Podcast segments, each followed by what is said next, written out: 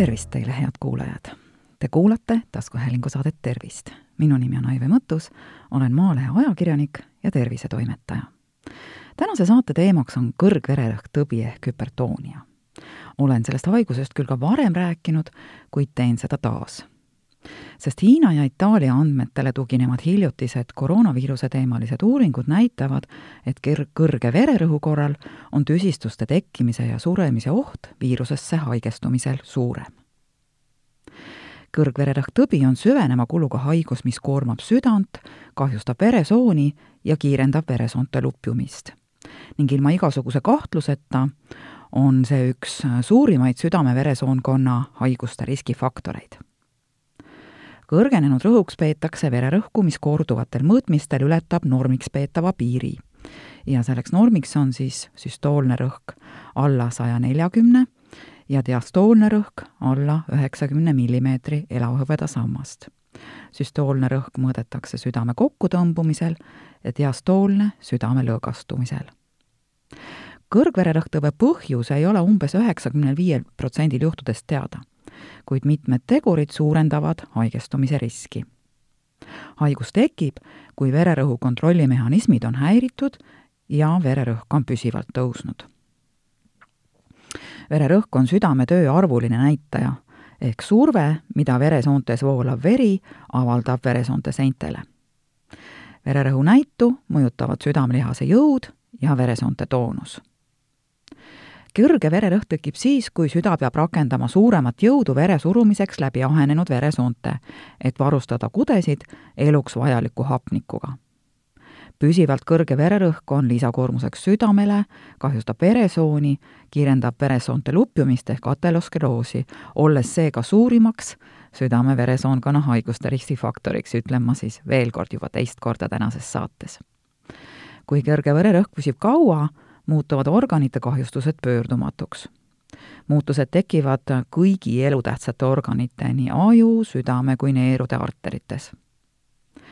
kõrgvererõhktõve puhul saame rääkida mittemuudetavatest ja muudetavatest ehk mõjutatavatest riskifaktoritest. ja esimesed ehk mittemuudetavad riskifaktorid on siis esiteks vanus, mida vanemaks inimene saab, seda suurem on tõenäosus kõrgvererõhktõve tekkeks seda esineb rohkem kui kuuekümnel protsendil Eesti eakatest. ja teiseks on selleks riskifaktoriks, siis mittemuudetavaks riskifaktoriks pärilik eelsoodumus. kõrgvererõhktõbi on tugeva perekondliku eelsoodumusega haigus. kui suguvõsas seda esineb, on risk teil sellesse haigestuda oluliselt suurem. mõjutatavad riskifaktorid on aga äh, noh, meile kõigile teada-tuntud asjad, liigne kehakaal, eelkõige suurenenud vöö ümbermõõt, tasakaalustamata toitumine, vererasvade häirunud tasakaal, stress ja vaimne pinge, vähene kehaline koormus, liigne alkoholi tarvitamine ja suitsetamine. millised on kõrgvererõhktõve sümptomid, kuidas seda ära tunda? no kurb on see, et umbes kolmandik inimestest ei teagi, et neil võib olla kõrgenenud vererõhk sest enesetundel pole häda midagi ja nad ei oska seda kahtlustada. seega on oluline aeg-ajalt vererõhku kontrollida.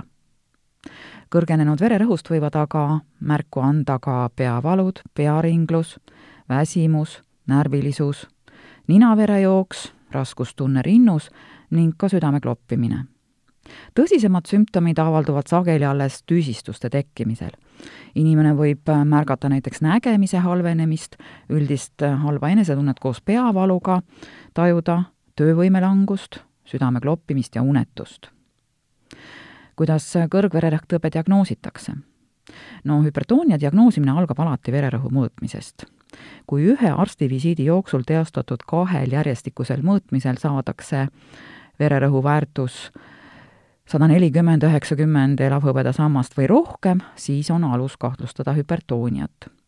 ja järgmiseks asjaks tavaliselt äh, diagnoosi kinnitamiseks äh, tuleks teha vererõhu kahekümne nelja tunnine monitooring. selleks on siis olemas vererõhku automaatselt mõõtev aparaat, mis paigaldatakse patsiendile üheks ööpäevaks teine variant kõrgvererõhktõve diagnoosimiseks on vererõhupäeviku pidamine kodus. inimene mõõdab siis ise kodus vererõhku, nelja kuni seitsme päeva jooksul, hommikul ja õhtul, kirjutab tulemused üles ja läheb nende tulemustega siis perearsti juurde mõlema uuringu puhul on alust diagnoosida hüpertoonia tõbe, kui keskmised mõõtmistulemused ületavad sada kolmkümmend viis, kaheksakümmend viis millimeetrit elavhõbedasammast. ehk siis kodusel mõõtmisel on näit natukene madalam kui arsti juures olles. kuidas keskkõrgvererõhktõe ravitakse? sõltuvalt vererõhu väärtustest ja kaasnevast südame-veresoonkonna haiguste riskist on ravistrateegiad erinevad madala riskiga isikutel, kellel on esimese astme hüpertoonia tõbi ehk vererõhk jääb alla saja kuuekümne, eh, saja millimeetri elavhõbedasamba arsti juures või kodusel mõõtmisel alla saja viiekümne, üheksakümne viie, võib piisata pelgalt elustiili muutmisest. Neil aga, kellel vererõhk jääb aga eespool mainitust kõrgemaks või on suurenenud äh, südame-veresoonkonna haiguste risk, on siiski vaja lisaks elustiili muutustele aidata kaasa ka vererõhku alandava tablettraviga. on aga selge, et elustiili muutused tagavad head ravitulemused mõlemal juhul. siinkohal tahan teiega jagada ajakirja Tervis pluss mainumbris ilmunud Harvardi ülikooli teadlaste soovitusi. Neid on kokku kuus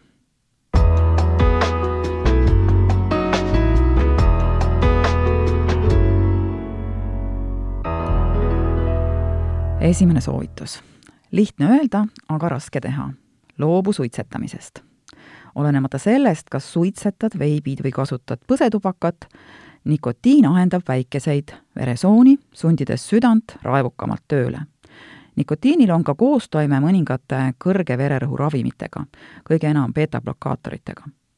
viis minutit pärast sigareti süütamist tõuseb ülemine vererõhk rohkem kui ka kahekümne millimeetri elavhõbeda samba võrra. normaalne rõhk taastub poole tunni pärast. ka normaalse vererõhuga inimesel on suitsu pahvides vererõhk liiga kõrge. suitsetamisest loobumine on paras jõutrikk, sest nikotiinil on erakordselt sõltuvust tekitav toime nii psühholoogiliselt kui ka füüsiliselt. enamikul ei õnnestu suitsetamist maha jätta esimesel katsel, kuid ei tasu alla anda peab ikka ja jälle proovima. suitsetamisest loobumine vähendab ülemist vererõhku kahe kuni kaheksa millimeetri elavhõbedasamba võrra. teine soovitus. kui oled ülekaaluline, siis püüa kaalust alla võtta. see on üks tõhusamaid nippe vererõhu kontrollimiseks, eriti kui ülekilosid on üle kümne protsendi normaalkaalust võib arvestada, et vererõhk langeb ühe millimeetri elavhõbeda samba võrra iga kaotatud poole kuni ühe kilogrammi kohta. oluline pole mitte ainult kaalunumber, vaid ka see, kus kohas ülekilod sinu kehal asuvad. Neil, kel on rast ladestunud keskkohta ehk vöökohale, ei ole suurem mitte ainult kõrge vererõhurisk, vaid neid ohustavad ka rohkem halva kolesterooli sisaldus organismis ja suhkruhaigus hea uudis on, et siseorganitele ladestunud rasv nii-öelda sulab kiiremini kui see, mis on naha all. kolmas soovitus. isegi kui oled normaalkaalus, toitu tervislikult. soovitav on jälgida nii-öelda vahemerelist dieeti. lisaks sellele peaksid vaatama, et sa liiga palju punast liha ei sööks ja magustatud jooke ei maksa tarbida rõhku tuleb panna ka sellele, et toit sisaldaks küllaldaselt kaltsiumi, kaaliumi, magneesiumi, kiudaineid ja samal ajal väldiksid äh, siis küllastunud rasvu ja soola.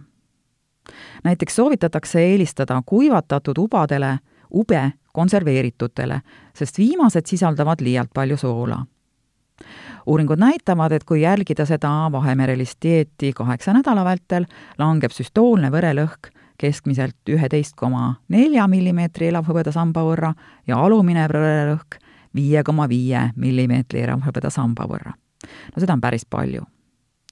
ja need näitajad on võrreldavad vererõhuravimite võtmise tulemusega.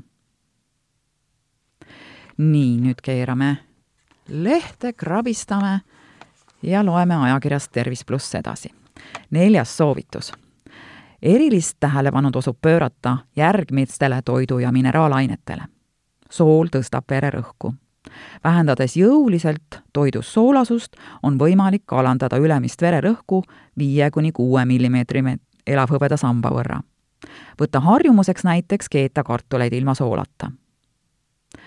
kaalium on üks võtmemineraale, sest aitab kehal vabaneda liigsest soolast ja lõõgastab veresooni kaaliumrikkad toiduained on näiteks kartul, maitsestamata jogurt, valged oad, rohelised soojajoad, banaan, spinat, piim, tomat.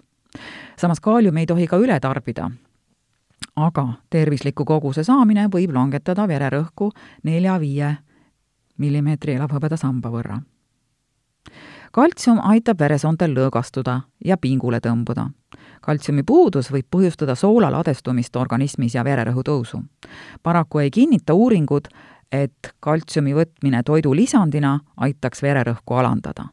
tuleb ikka ehtsat toitu süüa magneesium aitab sarnaselt kaltsiumiga veresoontel lõõgastuda ja pingulduda. samuti soodustab see veresuhkru taseme regulatsiooni ja närvide toimimist. Magneesiumirikkad toiduained on näiteks mandlid, spinat, maapähklid, teraviljad, sojapiim, mustad oad. magneesiumi puudust võivad tekitada ka mõned kõrvetiste ravimid ja diureetikumid, mida kõrge vererõhu korral mõnikord välja kirjutatakse. viies soovitus tee sporti. jalutuskäigud on vererõhu langetamiseks ideaalsed, isegi paremad kui jooksmine.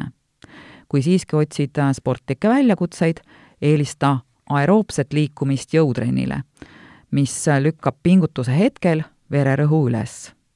üllatavalt ohtlik tegevus muide on lume rookimine, sest see toimub külmas õhus, mis niigi asen-, ahendab artereid aga kas kõrge vererõhuga võib üldse jõutrenni teha? minevikus oldi tõesti kahtleval seisukohal, kas jõutrenn sobib kõrge vererõhuga inimestele, sest pingutus kergitab lühiajaliselt vererõhku. Praeguseks on aga Ameerika Südameorganisatsioon jõudnud seisukohale, et mõõdukad harjutused on ohutud ja tervisele head, isegi kui need ei paranda vererõhu näitajaid oluline on jälgida, et sa harjutuste tegemise ajal ei hoiaks hinge kinni. kui tõstad raskust, tuleb välja hingata ja sisse hingata siis, kui raskust langetad. kui märkad, et pead liigselt punnitama, on raskus tervise seisukohalt liiga suur. Ja kuues Harvardi teadlaste soovitus. vähenda tööalast stressi. uuringud näitavad, et neil, kellel töö põhjustab stressi, on kõrgem vererõhk ka kodus ja magades pingeline paarisuhegi võib vererõhku püsivalt ülal hoida. ühesõnaga, võta ette isiklik stressiaudit, mõtle, millised olukorrad stressi tekitavad ning kaalu, kas neid on võimalik kõrvaldada või mahendada. Ära lase pingelistel olukordadel nii-öelda roisku minna.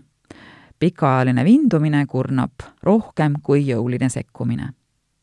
kui tundub, et rabeled ajapuuduses, leia võimalus ülesandeid delegeerida ja lõpetuseks mõned soovitused stressihügieeniks. me teame neid ju kõik, aga järgida on mõnikord raske. maga piisavalt, liigu ja tee trenni, õpi lõõgastumistehnika,id nagu kontrollitud hingamine, visualiseerimine ja jooga. tugevda sõprussuhteid, tore nädalavahetus sõpradega võib mõjuda kui nädalane puhkusereis. ja leia endale tore hobi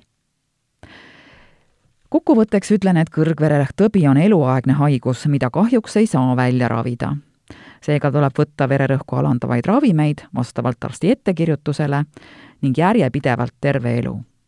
Ja järgida tervislikku elustiili, see toetab ravi. vererõhu kontrolli all hoidmine aitab ära hoida veresoonte seisundi halvenemist ning sellest tulenevaid tüsistusi. head kuulajad, te kuulasite taskuhäälingu saadet Tervist saate leiate Delfi podcastide pesast tasku, nutirakendustes Spotify, Apple Podcasts, SoundCloud ja teised. hakake jälgijaks ja kuulake just teile sobival ajal. Ettepanekuid teemade kohta, mida saates käsitleda, ootan e-posti teel aadressil tervist.maaleht.ee. minu nimi on Aive Mõttus, olen Maalehe ajakirjanik ja tervisetoimetaja. tervist teile!